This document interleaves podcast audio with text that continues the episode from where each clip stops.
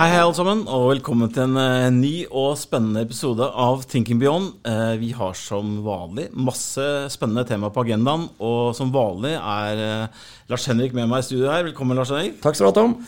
Eh, vi skal, som vi pleier å gjøre, eh, snakke litt og videreføre bitte litt av forrige ukes tema. Eh, det har skjedd en del spennende ting rundt noen rapporter. Også som jeg lovte forrige gang, så skal vi også innom dette med markedets forventninger og påvirkninger rundt USA-valget. Ehm, så vi eh, hopper faktisk bare rett ut til det og skal begynne med Vi har jo vært innom dette med eh, USA-satsingen til e- Equinor. Og det kom en ganske krystallklar PwC-rapport her nå i slutten av forrige uke, Lars Henrik, som du kommenterte på, på LinkedIn. Hva, fortell litt om det. Takk for det, Tom. Um, ja, la oss først skille på Vi har nevnt uh, tidligere i disse Thinking Beyond så har vi jo snakket om Angola. Og eh, problemene der nede med disse pengene som skulle gå til dette kunnskapssenteret, der er vi nok mer inne på kanskje noe fare at det er noe korrupsjonsgreier. At pengene har ikke funnet sin riktige havn. USA så har vi sagt at dette har rett og slett vært dårlig business, høyst sannsynlig.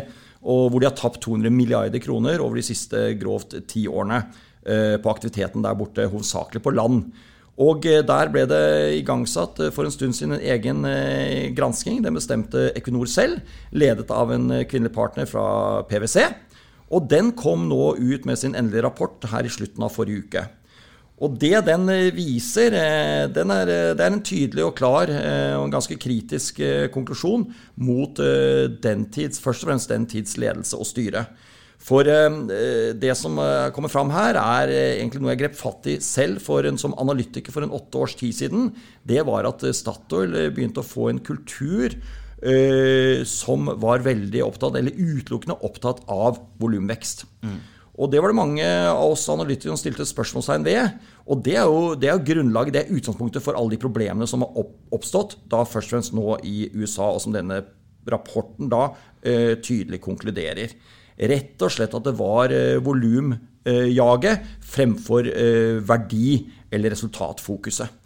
Så, så nye oljevolumer og gassvolumer for enhver pris. Mm. Og Det var det som lå i strategien som de hadde da fram mot uh, eh, 2020, hvor de skulle øke produksjonen sin fra i underkant av 2 millioner fat om dagen til ca. 2,5 million fat om dagen i 2020. Nå har de ikke helt nådd det. De ligger jo i dag på ca. 2,1 2,2 millioner fat, så de har ikke nådd denne her. Og Det er fordi de reverserte den strategien på veien, for de så at den var helt feil. Vi kan ikke drive et selskap, eh, et selskap basert på bare en volumambisjon uten å skjele til egentlig verdiskapningen rundt det og eh, hva skal jeg si, alle de økonomiske og finansielle konsekvensene av en volumstrategi. Så dette slo helt feil.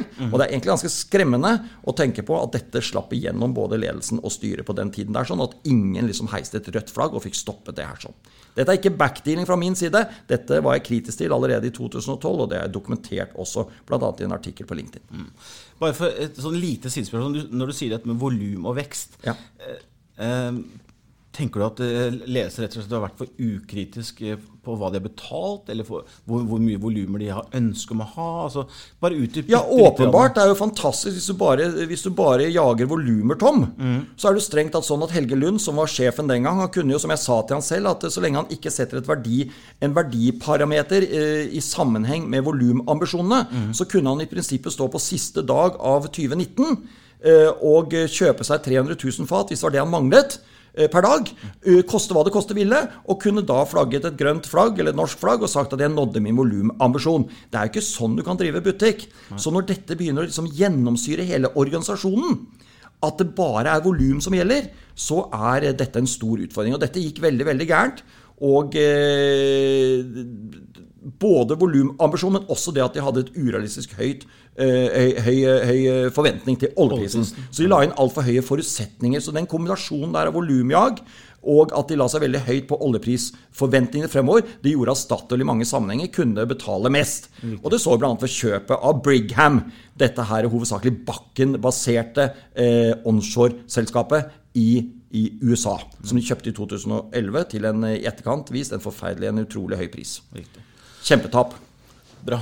Nei, men du, um, Da skal vi snike oss videre på agendaen, uh, Lars Henrik. Og så skal vi snakke om det vi uh, snakket litt om dette med kapitalflyten. Og liksom dette med ja. at uh, Oslo Børs, som vi snakket om forrige gang, er jo preget av en La, la meg bruke ordet ikke ikke-ESG-vennlig sammensetning. Ja. For vi har jo mye olje og, og oljeservice etc. Ja, Jeg har jo sagt det, Tom, flere ganger at du kan godt ha høy ESG selv om du driver med olje. Det har vi. Men jeg skjønner hva du mener. Jeg skjønner hva, At vi har litt sånn gammel industri, og vi har mye olje og gass, annet med Equinor, ikke sant? Mm. men også en del andre oljeservice, og også mindre oljeskaper. Så det er riktig hva du sier, men eh, Oslo Børs har ikke nødvendigvis noe lavt ESG-score, men vi har et veldig høyt karbonavtrykk. Riktig. Ikke sant? Og det er det vi har vært inne på før, at mange tror at du kan ikke ha et høyt karbonavtrykk og så også ha en god ESG-score, men det kan du altså.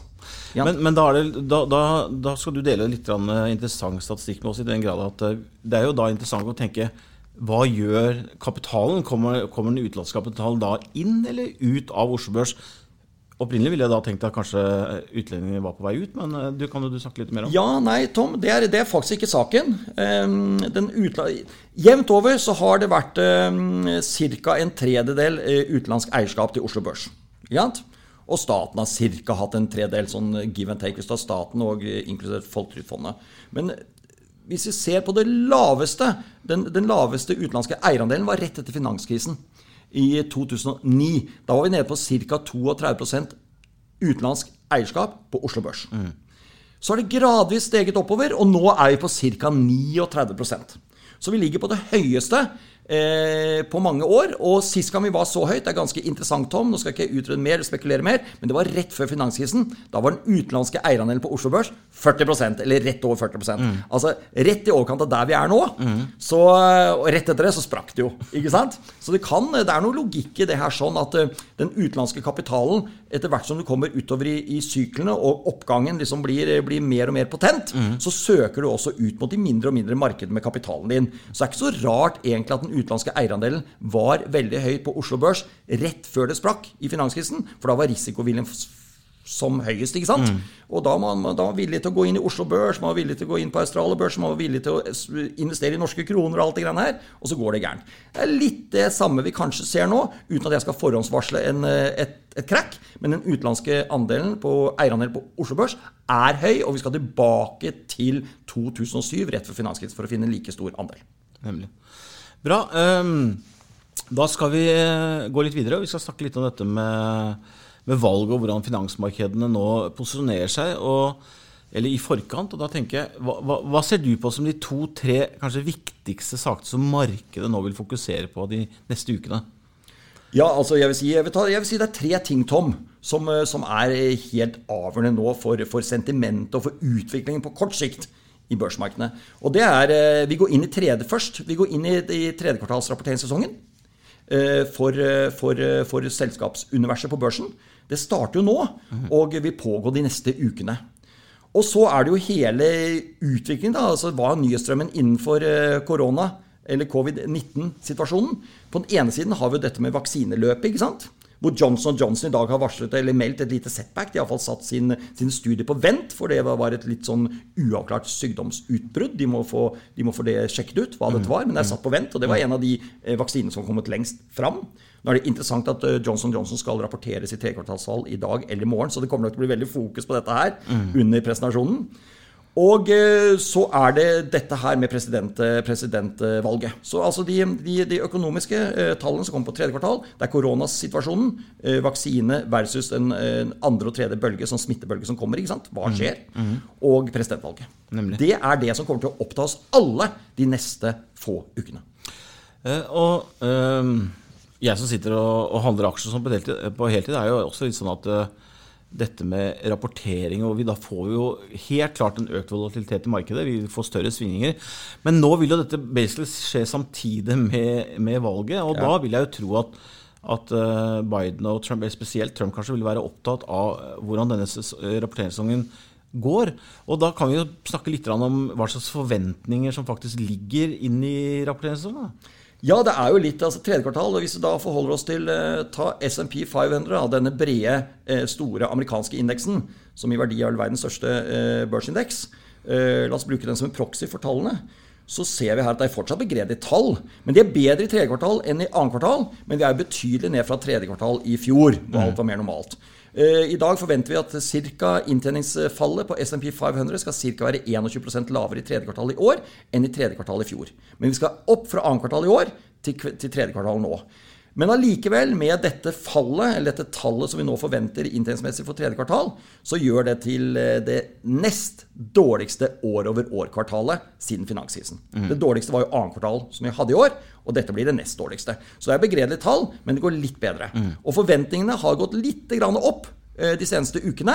Så det er ikke like, det er litt høyere forventninger nå. Så det er, det er også litt farlig, Tom, mm. ved, at, ved, at, markedet har, har ganske, ganske, høye forventninger til dette kvartalet her. Og vi tåler nok ikke de store skuffelsene. Når du sier de to, de to presidentkandidatene, altså presidenten og presidentkandidaten fra Demokratene, så er de jo selvfølgelig opptatt av det sånn, og særlig Trump mm. opptatt av dette. her. Han lener seg veldig mye på den økonomiske utviklingen mm. og the stock market, som han sier. Og det er eh, PT, så er jo stock market på veldig høye nivåer.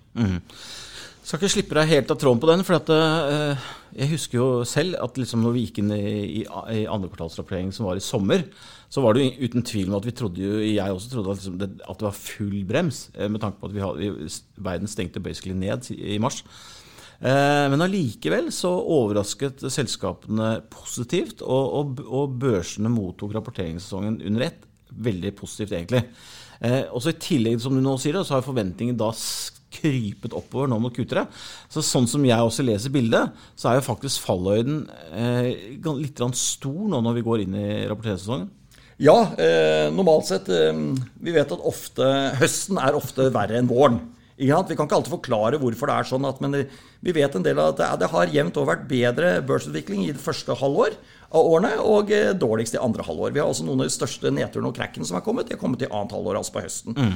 Så, eh, så, alltid på høsten er det alltid litt mer nervøsitet. Mm. Hva venter oss? Vi kan ikke helt forklare hvorfor det er sånn, Tom, men noen av de største negative hendelsene, inklusiv finanskrisen og 87-crack og slike ting, sånn, det, har kommet, det har kommet på høsten. Vi kan også si altså den oljerelaterte nedturen som kom i 2014, eh, den kom også på høsten 2014 og inn i 2015. ikke sant? Mm. Så det er, eh, det, er, det, er, det er, ikke normal høst på noen som helst måte vi går inn, inn i nå, men i tillegg har vi det hengende over at høsten ofte er litt dårlig. Så, men med presidentvalget, med en tredjekvartalsrapportering og utvikling for koronaen i tillegg, mm. dette her med ny smittebølge versus øh, vaksinefremdriften, det er utrolig spennende. Og det er masse risiko i det her. sånn, og Er det én ting aksjemarkedet ikke liker, så er det jo nettopp dette her med uforutsigbarhet og risiko. Mm. Så øh, PT holder, vi, holder markedet fast. Det, det, det, holder seg bra, men det er ikke rom for de store, massive skuffelsene her hvis noe av dette her skulle gå ordentlig gærent. Um, vi har noen, eh, et par temaer til vi har lyst til å snakke litt om. Dette med rundt USA-valget. at Det er ingen tvil om at covid-19 eh, påvirker både produksjon og etterspørsel. Men, mens det, det, vi, det jeg litt lyst til å snakke litt om Lars, er hvordan liksom markedet posisjonerer seg nå. for det er klart at Resultatet av president, presidentvalget vil jo eh, bli avgjørende for retninger på, på amerikansk økonomi. og kan vi ikke snakke bitte litt om eh, liksom, ulikheten mellom eh, demokratene og republikanerne i forhold til hva de har fokus på? Vi, vi snakker sånn f.eks. at Biden eh, han ønsker jo å øke skattene på, på tech-gigantene, mens Trump har jo vært veldig på å stimulere med skatteletter. Ja. Eh, kan vi ikke drodle litt rundt det, Lars Henrik? Jo, Først vil jeg si, når jeg tror, Hvis vi går to-tre måneder fram i tid, så tror jeg at uh, liksom, usikkerheten er høyst sannsynlig mindre enn den er i dag. Mm. Og det er alltid bra for markedet. ikke sant? Så det er, det er, liksom, det er, det er liksom, Hva er konsekvensen av alt støyet vi skal ha de neste ukene og få månedene? Mm. Det er det som liksom avgjør om dette markedet holder sammen eller ikke, eller raser sammen. ikke sant? Men, uh, men uh, det er stor forskjell på disse her, og det er, det er tydelig i politikken. Hvis vi ser, hvis vi ser på én ting da, som kanskje er Du nevnte dette med skatt skatt. Det er klart at Biden har annonsert både den generelle bedriftsbeskatningen opp, men han har også annonsert litt sitt eh, generelle vrede, litt vrede mot disse store tech-gigantene det går jo ikke bare på egentlig hva de tjener penger, og ikke bare på skatt, men også i kraft av hvordan de, hvordan de bruker eller skråstrek misbruker sin posisjon mm. i kraft av størrelse. Det har jo bygget seg opp litt mer og mer sånn senatorsinne i USA nå eh, disse, mot disse tech-gigantene eh, om at man kanskje kan vi se at de kanskje går mot at de blir, at de blir, de blir knukket litt opp. Det mm. blir fokus på hvordan de misbruker eh, makten sin og slike saker. Så det er, det, er, det, er, det er, viktig kanskje å tenke på at kanskje hvis Biden vinner, så kan det bli litt negativ fokus mot, rettet mot altså disse tech-selskapene mm. av flere grunner. Både skattemessig, men også dette at han har, eh, han har, vært litt etter dem og sagt at noen av dem har misbrukt sin, sin makt. Mm. På den andre siden så har jo Biden og kampanjen hans lovet store finanspolitiske tiltak eller pakker. Vi snakker helt opp mot 3 trillioner dollar, altså på norsk 3 billioner dollar. Og For å sette det litt, tallet litt i perspektiv, så var jo Trump sin kampanje på det samme inn i 2016, det var jo 1 billion dollar. Og Da husker vi hva som skjedde i etterkant da han vant. Det var jo da disse verdiaksjene, verdikomponentene av markedet, som virkelig gikk i fjerde kvartal 2016. Mm. Ja, med industriselskapene, med, med eh, utility-selskapene, men også bankene. ikke sant? Mm. Så hvis Biden vinner, så tror jeg man kan se kanskje at det kan bli store forventninger om store finanspolitiske hjelpepakker. Større enn hvis Trump vinner. Og at det kan eh, påvirke en del av de sektorene på en positiv måte som har vært litt out of favor, altså ikke vært helt populære de seneste årene. Og da snakker vi altså generelle industriskaper, infrastruktur, men også banker. Og hvorfor banker? Jo, fordi at kanskje med Bidens politikk så ligger vi kanskje litt nærmere at yield-kurven, som nå er veldig flat og lav, vil begynne å løfte seg litt der framme. Og det kan være bra for bankene. Bankene har det bedre hvis liksom rentenivået kommer litt opp, eller forventning til rentenivå. Og så kanskje også vi kan se litt inflasjon nedover veien. Som i dag ikke ser noen ting til. ikke sant? Så jeg tror nødvendigvis ikke at, at det er så dramatisk for aksjemarkedet om det egentlig er Biden eller Trump som vinner. Det blir alltid uro rundt selve valgdagene. Mm. Men når vi går to-tre måneder fram i tid, så er det plusser og minuser for begge parter. Husk at hvis vi ser i den lange historien, så har det vært litt eh, omtrent delt mellom demokratene og republikanerne av presidentene. Men det har altså ikke vært noe tegn til at det har gått dårlig i demokratiske perioder enn i republikanske perioder. Det som markedet da ikke alltid har likt, det er de få gangene det har vært et skifte etter én periode. Og det er veldig sjeldent. Mm. Det var jo altså når, når Carter tapte etter én periode eh, til Reagan, og det var når gamle Bush eh, tapte mm. mm. til, til, Clinton. Eh, nå ser jeg bort fra Gerald Ford og sånn, som fikk en kort periode etter JFK. og sånne ting. Han var jo bare en visepresident som kom inn, han tapte. Og Lyndby Johnson etter Nixon fikk jo fortsette en periode. Nei, Lyndby Johnson var jo etter, etter JFK, selvfølgelig og eh, Gerald Ford var etter Nixon. Mm. Så der ble det bare én periode. Men de vanlige presidentene som har gått av etter én periode, er jo bare Carter og gamle Bush. ikke sant? Så det er veldig sjeldent det skjer. Så det er det spennende nå, om Trump bare eh, liksom må gå av som en av få i moderne tid etter en periode. Kjære at det er jo rene historietimen. Det er Nei, det er spennende. Her kommer, kommer på rekke og Det er fantastisk, Henrik. Håper ikke forvirringen ble for stor rundt nei, nei, nei. det. Jeg tror folk skjønte hva vi, hva vi snakket bra. om her. Vi må dessverre avslutte, eh, men jeg har lyst til å, som vanlig, automatisk bridge litt over på på neste ukes eh, tema. Og prøve å snakke litt om dette med forståelsen av hva som skjer rundt omkring i energimarkedet. Det er jo kommet en ny spennende IEA-rapport. Det er altså det internasjonale energibyrået. Som, ja. Eh, som, vi skal snakke litt om. Og vi skal snakke litt om ikke bare om, om olje og shale, men energimarkedet som helhet. Eh, det er jo vind, sol, carbon capturing. Det er mange ting vi kan snakke Hydrogen. om. Hydrogen. Ja, Det er spennende med den rapporten Tom, som vi kan komme inn på neste gang. Den kommer nå nettopp. Det er jo at de nå skyver kanskje litt, litt, lenger bort i tid. Når er det energietterspørselen normaliserer seg igjen? Etter en nedtun vi har nå pga. covid-19. ikke sant? Mm. Og det, er, det, det, det, kan tyde på at, at tilbudssiden kommer til å være tilstrekkelig i lang tid. For dette kommer samtidig som det er voldsom oppbygging. Både at vi har recovery på olje- og gassproduksjonen, mm. men vi har også oppbygging av vindkraft. Det er nå offshore vind kommer kraft de neste årene. Og så hele hydrogenspill og alt mulig annet. ikke sant? Så hvis etterspørselen kommer til å være dårlig, hva skjer med energipriser generelt? Mm. Og, eh, og, eh, kanskje da olje og gass oppi det her sånn. Det kan bli ordentlig trøblete. Så det er, eh, det, er, det, er, det er, ganske trøblete farvann for energimarkedet og tilbudssiden. Og spesielt de som produserer olje og gass de neste årene. Så dette er masse å snakke om, Tom. Så bra. Da kjære lytter, da vet dere allerede hva dere har å glede dere til neste uke. Så... Pluss litt om rapportering og sånn, og utvikling på tall og sånn. Absolutt. Kjempebra. Takk for i dag, alle sammen. Så høres vi neste uke. Ha det bra. Hei.